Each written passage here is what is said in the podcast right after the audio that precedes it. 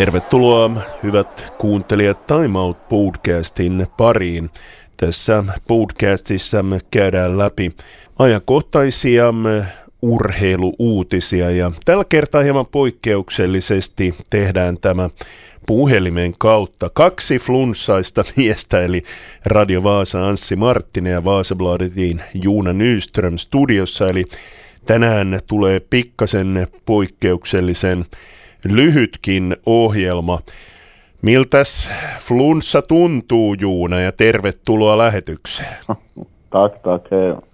Alltid lika roligt. Jag vet inte om det var den här Sverige-resan som ställde till det. Man drog med sig Bobbo därifrån, men det har varit en lång, lång helg på soffan. Mm, mulla kävi vähän samalla lailla, eli tuossa sunnuntai aamuna alkoi semmoinen olo, tai itse asiassa jo lauantai myöhäisillalla oli vähän semmoinen olo, että nyt taitaa flunssa iskeä ja Vipsun pelikin tuli katottua sitten TVn kautta.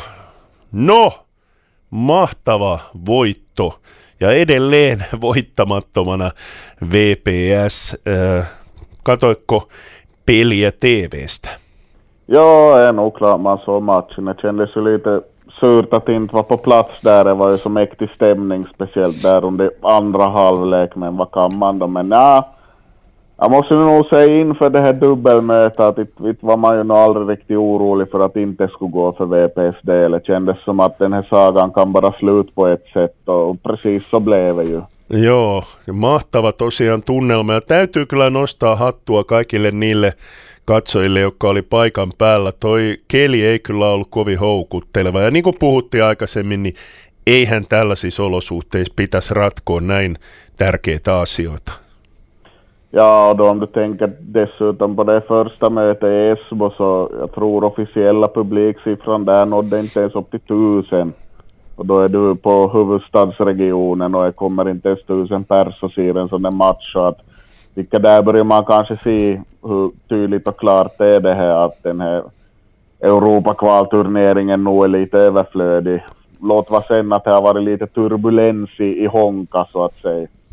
Joo, tosiaan ennen näitä karsintaotteluita kerrottiin, että FC Honka tai pelaajat eivät olleet saaneet palkkoja ja tilanne ei tosiaan kovin hyvältä näytä tuolla Espoossa. Uskotko, että FC Honka kuitenkin ensi kaudella pelaa veikkausliikaa? No på, är ju på en väldigt stund tråd nu att just sådana grejer som att, att du står i skuld så innebär ju att du inte kan få ligalicens ganska rakt av och står du i skuld till spelarna så är du ju just i det läget så att vad jag nu har läst något smått kommentarer där från ledningshåll så verkar de nu inte ha någon tydlig och klar heller liksom plan för hur de ska lösa det här. Mitä luulet, mitä europelipaikka merkitsee? Ainakin varmaan vetovoimaa pelaajien suhteen Vepsua kohtaan.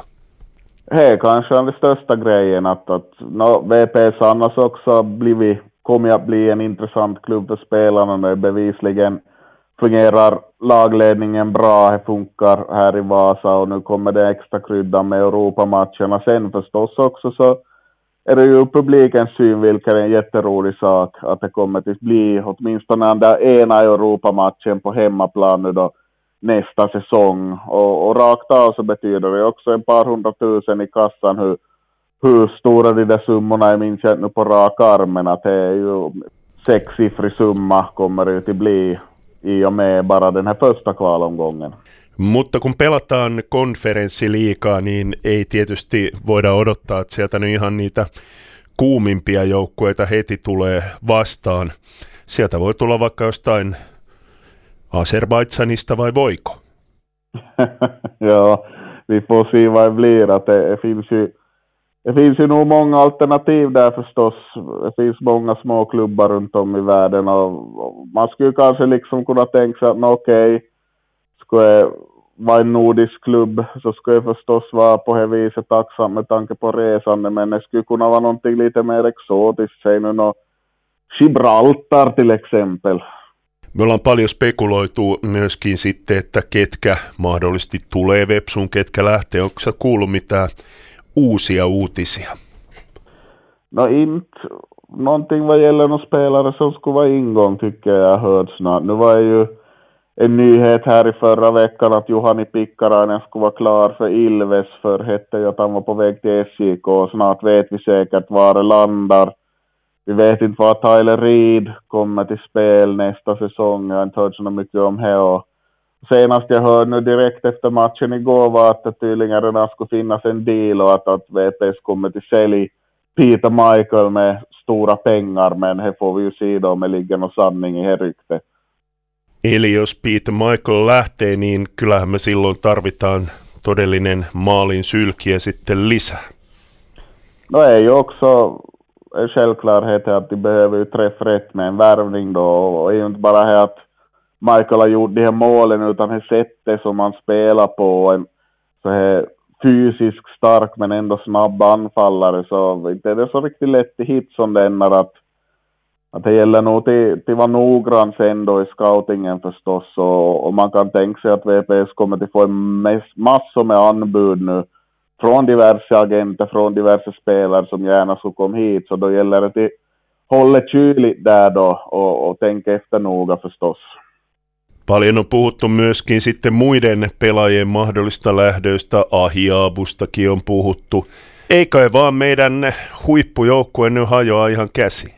Nej, det skulle ju inte vara första gången det händer. Att det är ju ganska så det vanligt scenario att ett, ett lite underdog-lag kommer fram, träffar rätt med sina spelare, spelar bra och sen mitt i allt köps man sönder då. Att, att det är förstås är ju en knepig situation där man ska väga denna vad man kan vinna på en transfer mot vad man går miste om. Så att det är en balansgång långa vägar och visst det har ju till exempel varit tal om att HIK skulle vilja ha in Ahiabo där så att om man nu sen tänker då att Pikkarainen, Reed, Ahiabo och Michael skulle försvinna mitt i allt så där finns det ju sen mitt i allt ett, ett stort, stort bygge som ska göras för att sy ihop laget igen. Puhutaan vielä lyhyesti Vaasan sportista. Juuri kun pääsimme kehumaan sporttia, niin sitten tuli näitä tappioitakin ja aika odotettu uutinen myöskin siitä, että Risto Duffa lopettaa kokonaan valmentajauransa. Visst är det så. Han var in på, på sitt sista år på kontraktet här i sport efter att ha förlängt där och, och man tänker att han börjar tränarbanan i början av 90-talet redan, har fyllt 60 år, så och kändes det som att det kanske var dags, dags för den här svanesången i tränarkarriären och nu får vi ju då se då sen det här senaste spekulationerna och vad nu vad var i nyheterna så skulle vara att Juuso Hall då, det här assisterande tränaren, tar över rakt av efter Risto och, och det kan ju bra hända att det blir så och det tror jag vi redan pratat om här också. Och sen får vi se hur det här återstoden av säsongen då blir. Att som vi sa förra veckan så krävs inte så många förluster heller så rasar man ganska hårt i den här jämna ligatabellen. Så det skulle vänd på är fort sen då landslagspausen är över. Niin, se taisi olla niin, että viimeksi kun juteltiin tuosta sportin tilanteesta, niin olikohan se niin, että sport oli silloin – seitsemäntänä, jos oikein muistan. Mikäs tällä hetkellä on sitten tilanne? Monentenako Sport sitten tällä hetkellä liigassa on? Muistako ulkoa vai katonko täältä nopeasti? Niin, nyt Sport on sitten yhdentenä toista, eli nyt ollaan taas sitten jopa sääliplayereen ulkopuolella. Eli tosi tärkeitä jopa yksittäiset ottelut.